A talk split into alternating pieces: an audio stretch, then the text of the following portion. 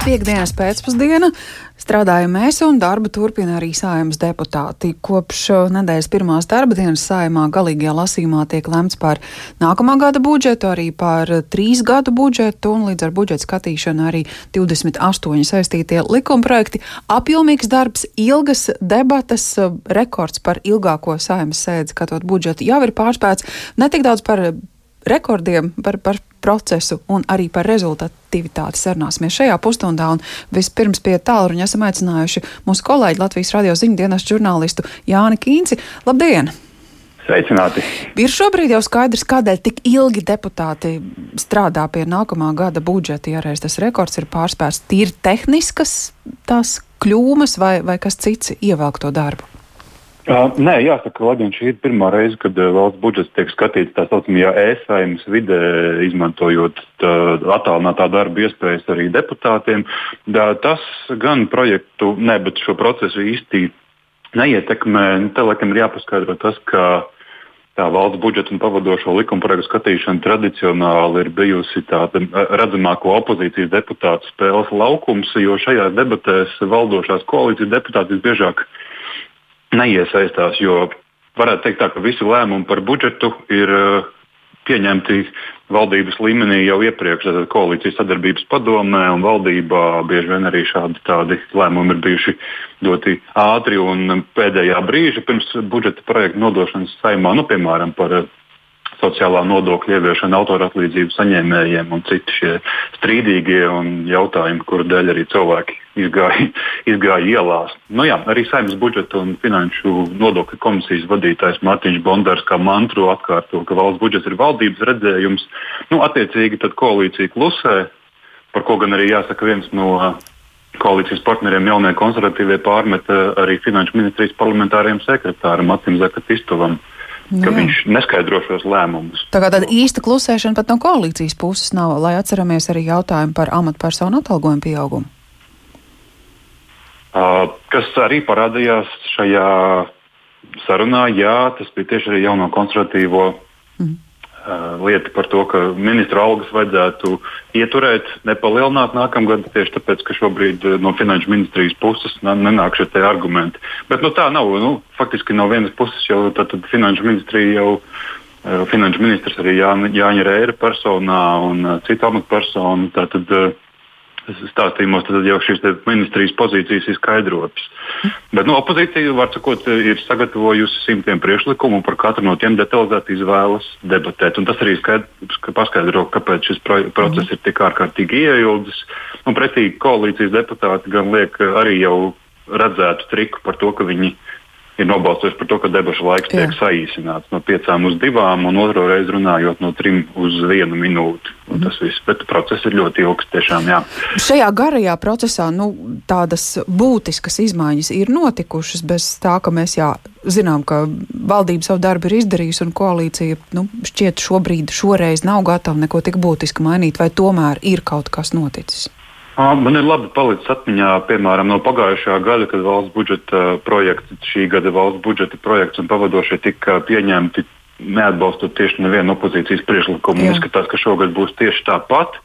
Tas tā izrādījās arī pēc ilgākajām debatēm, kas bija pusotru dienu, varbūt, varbūt pat nedaudz vairāk, kas bija tātad par šo mikro uzņēmumu nodokļa režīma atcelšanu. Opozīcija to aizstāvēja, kārtību, kā modeli, kas tika ieviests pēc, iepriekš, pēc lielās finanšu krīzes 2009. gadā, un šobrīd Covid krīze nesot ne ar ko labvēlīgāk, nenoteiktības visādā ziņā. Tāda ir opozīcijas argumenti, bet, bet balsojumos tas tomēr nav, kā lai saka, materializējies. Izmaiņas budžeta projektā nenotiek Jā. līdz šim. Un darbs turpinās. Arī žurnālistiem droši vien sakojot līdz šim procesam. Paldies! Jānis Kīncis, mūsu kolēģis Latvijas radio ziņdienas žurnālists, bija pie mūsu tālruņa un sazvanījuši arī esam saimnes deputāti Jūlijas Tepaņenko pie frakcijām nepiedaroši deputāti. Labdien! Labdien! Kā jūs šobrīd raugāties uz to darba procesu? Ir izdarīta lielākā daļa un nedaudz vairs tikai atlicis darba. Nu, kad saredzat galu budžeta skatīšanai? Nu, mums ir priekšā vēl pabeigt uh, ienākuma nodokļu likumu transporta līdzekļa, un tad mēs ķeramies pie budžeta izskatīšanas. Uh, patiesībā nu, lielākais kaitējums jau ir teikt, nodarīts, jo mikrouzņēmuma nodokļu likums ir pieņemts un nav atdots atpakaļ komisijā. Tieši tāpat arī uh, sociālās uh, apdrošināšanas likums arī. Uh, nu, uh, šeit ir jāsaka tā, ka tiešām šajā laikā, kad ir uh, krīze un kad uh, mazie uzņēmēji, daudzi no viņiem, viņiem ir liekts gūt ienākumus dēļ šīs ārkārtas situācijas. Kaut ko grozīt tagad, tas tiešām nav prātīgi. Opozīcija arī piekrīt tam, ka ir jāsakārto um, šie nodokļu režīmi, mazie, un, un ir jāvienkāršo, bet tādā veidā, kādā tas tiek šobrīd darīts, nu, tas nav pieņemams. Un tas nav tikai uh, Uh, opozīcijas, kā, kā opozīcijas pienākums kritizēt. Ir, nu, mhm. man, man liekas, ka tas ir veselais saprāts, jo šobrīd uh, nav neviena organizācija, kura varētu pateikt, ka tiešām viss ir izdarīts pareizi, nu, izņemot finanšu ministriju un klusējošo koalīciju. Mm -hmm. Tas ir arī ļoti būtiski šajā mm, budžeta pieņemšanas laikā, ja mēs tiešām nedzirdam nevienu. Uh, nevienu atbildīgo ministru, nevienu parlamentāro sekretāru, kurš, izņemot Jansonu kungu, kurš varētu pamatot šī budžeta uh, noderīgumu un uh, nu, teiksim, to, to labo pusi pastāstīt un, un argumentēt, kāpēc ir jārīkojas tieši tā, ne savādāk. Mm -hmm. Un tas, protams, norāda uz tādu zināmu necieņu pret sabiedrību, jo sabiedrībai ar to būs jādzīvo visu gadu. Ņemot vērā to, ka vēl vispār neviens nezina, kas būs pēc nedēļas, pēc mēneša ar Covid situāciju. Nu jā, tikai saimnes deputātiem var nākties atgriezties un grozīt budžetu, skatīties, kas labojams, ja tāda vajadzība radīsies. Kad opozīcija iesniedz savus daudzos priekšlikumus uh, budžeta projektā, nu, vai tos sniedzot ir arī doma par, par reāliem rezultātiem, par iespējām budžetā? Nu, ne tikai savas idejas, bet nu, tā tīri finansiāli skatoties, kāds ir ierosinājums un kādas ir iespējas to īstenot. Redziet, liela daļa opozīcijas priekšlikumu ir saistīta ar kļūdu labošanu. Tad cenšamies labot koalīcijas pieļautās kļūdas budžetā, uh, izlabot, atgriezties pie esošās situācijas. Uh, un daļa, protams, ir kārtējais atgādinājums par neizpildītiem mājas darbiem, par lietām, kuras ir tikušas solītas vairāk kārt, vairākus gadus pēc kārtas. Piemēram, tas pats uh, samazinātais PVN pārtikai un uh, īpaši šobrīd mēs runājam par restorāniem, kur cieši vis, vissmagāk. Tāpat arī, protams, 3,500 solījums. Mums tas ir noteikti jātur kā tāds nu, kā kārtējais atgādinājums, ka bez tā, bez tā mēs nekur tālu uz priekšu netiksim. Mhm. Un, nu, tas ir tas tāds lielās lietas, par kurām mēs uh, jau esam iz, izdiskutējuši un izdebatējuši. Un tad, protams, vēl ir dažādas uh, mazākas lietas, kā piemēram atbalsts bērniem ar invaliditāti, kurš arī, uh, protams, at attiecībā uz tehniskiem palīdzības līdzekļiem. Un, nu, Šobrīd visu uzskaitīt būs ļoti grūti.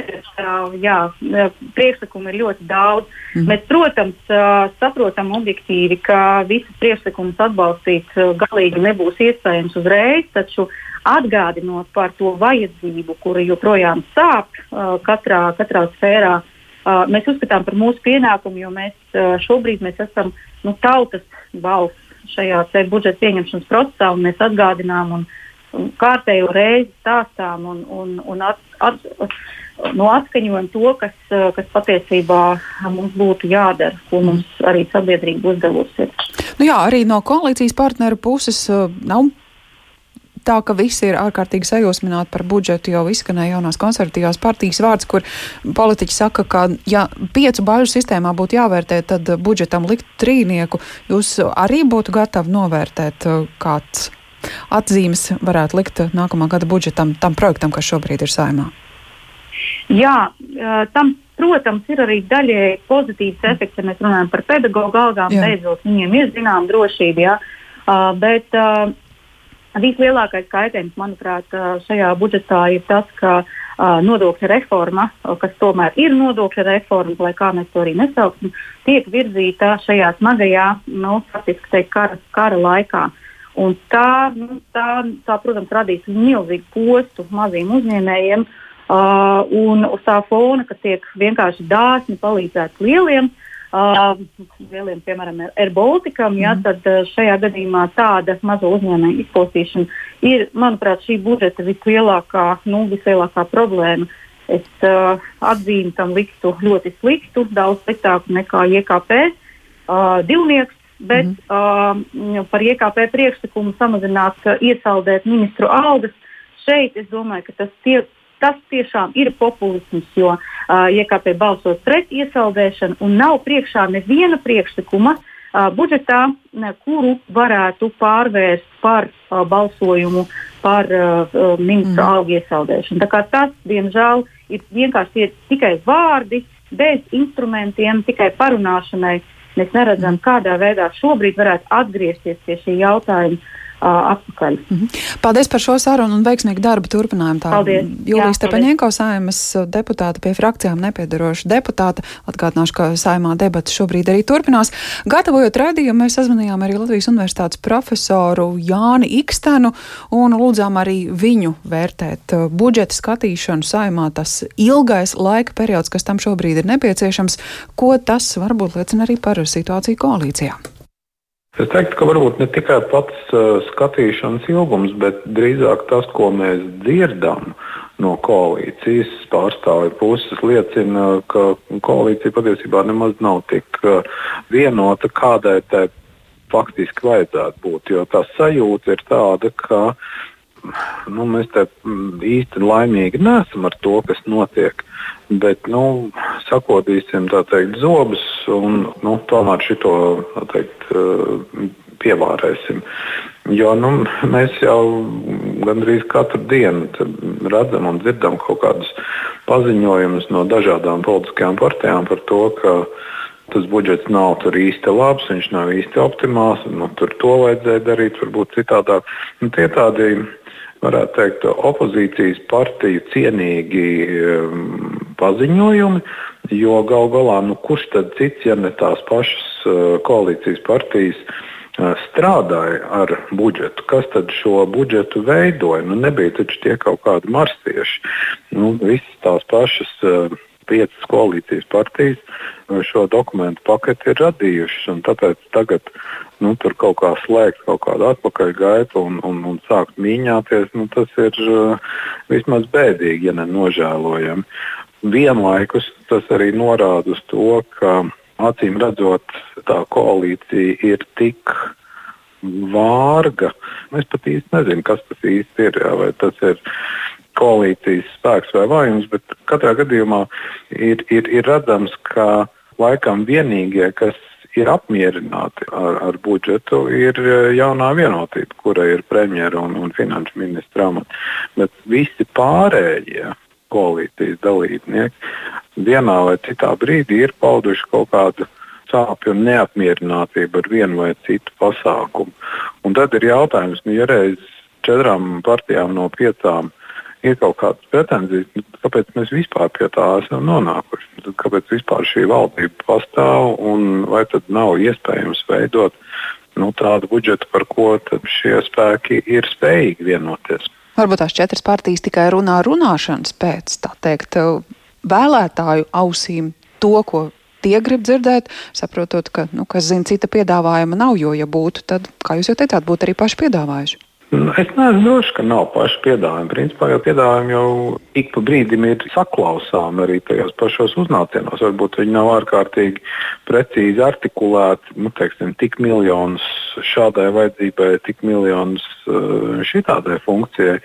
Bet nu, tāda kaut kāda alternatīva skatījuma jau ir tikai nu, kaut kādu iemeslu dēļ, vai nu šie skatījumi nav izdiskutēti tajā brīdī, kad bija jālemj par nu, tādām konceptuālām lietām, vai arī nu, tiešām tās bailes no šīs uh, valdības sabrukšanas ir tik lielas, ka partijas ir gatavas pieciest šādu pusgatavu budžetu.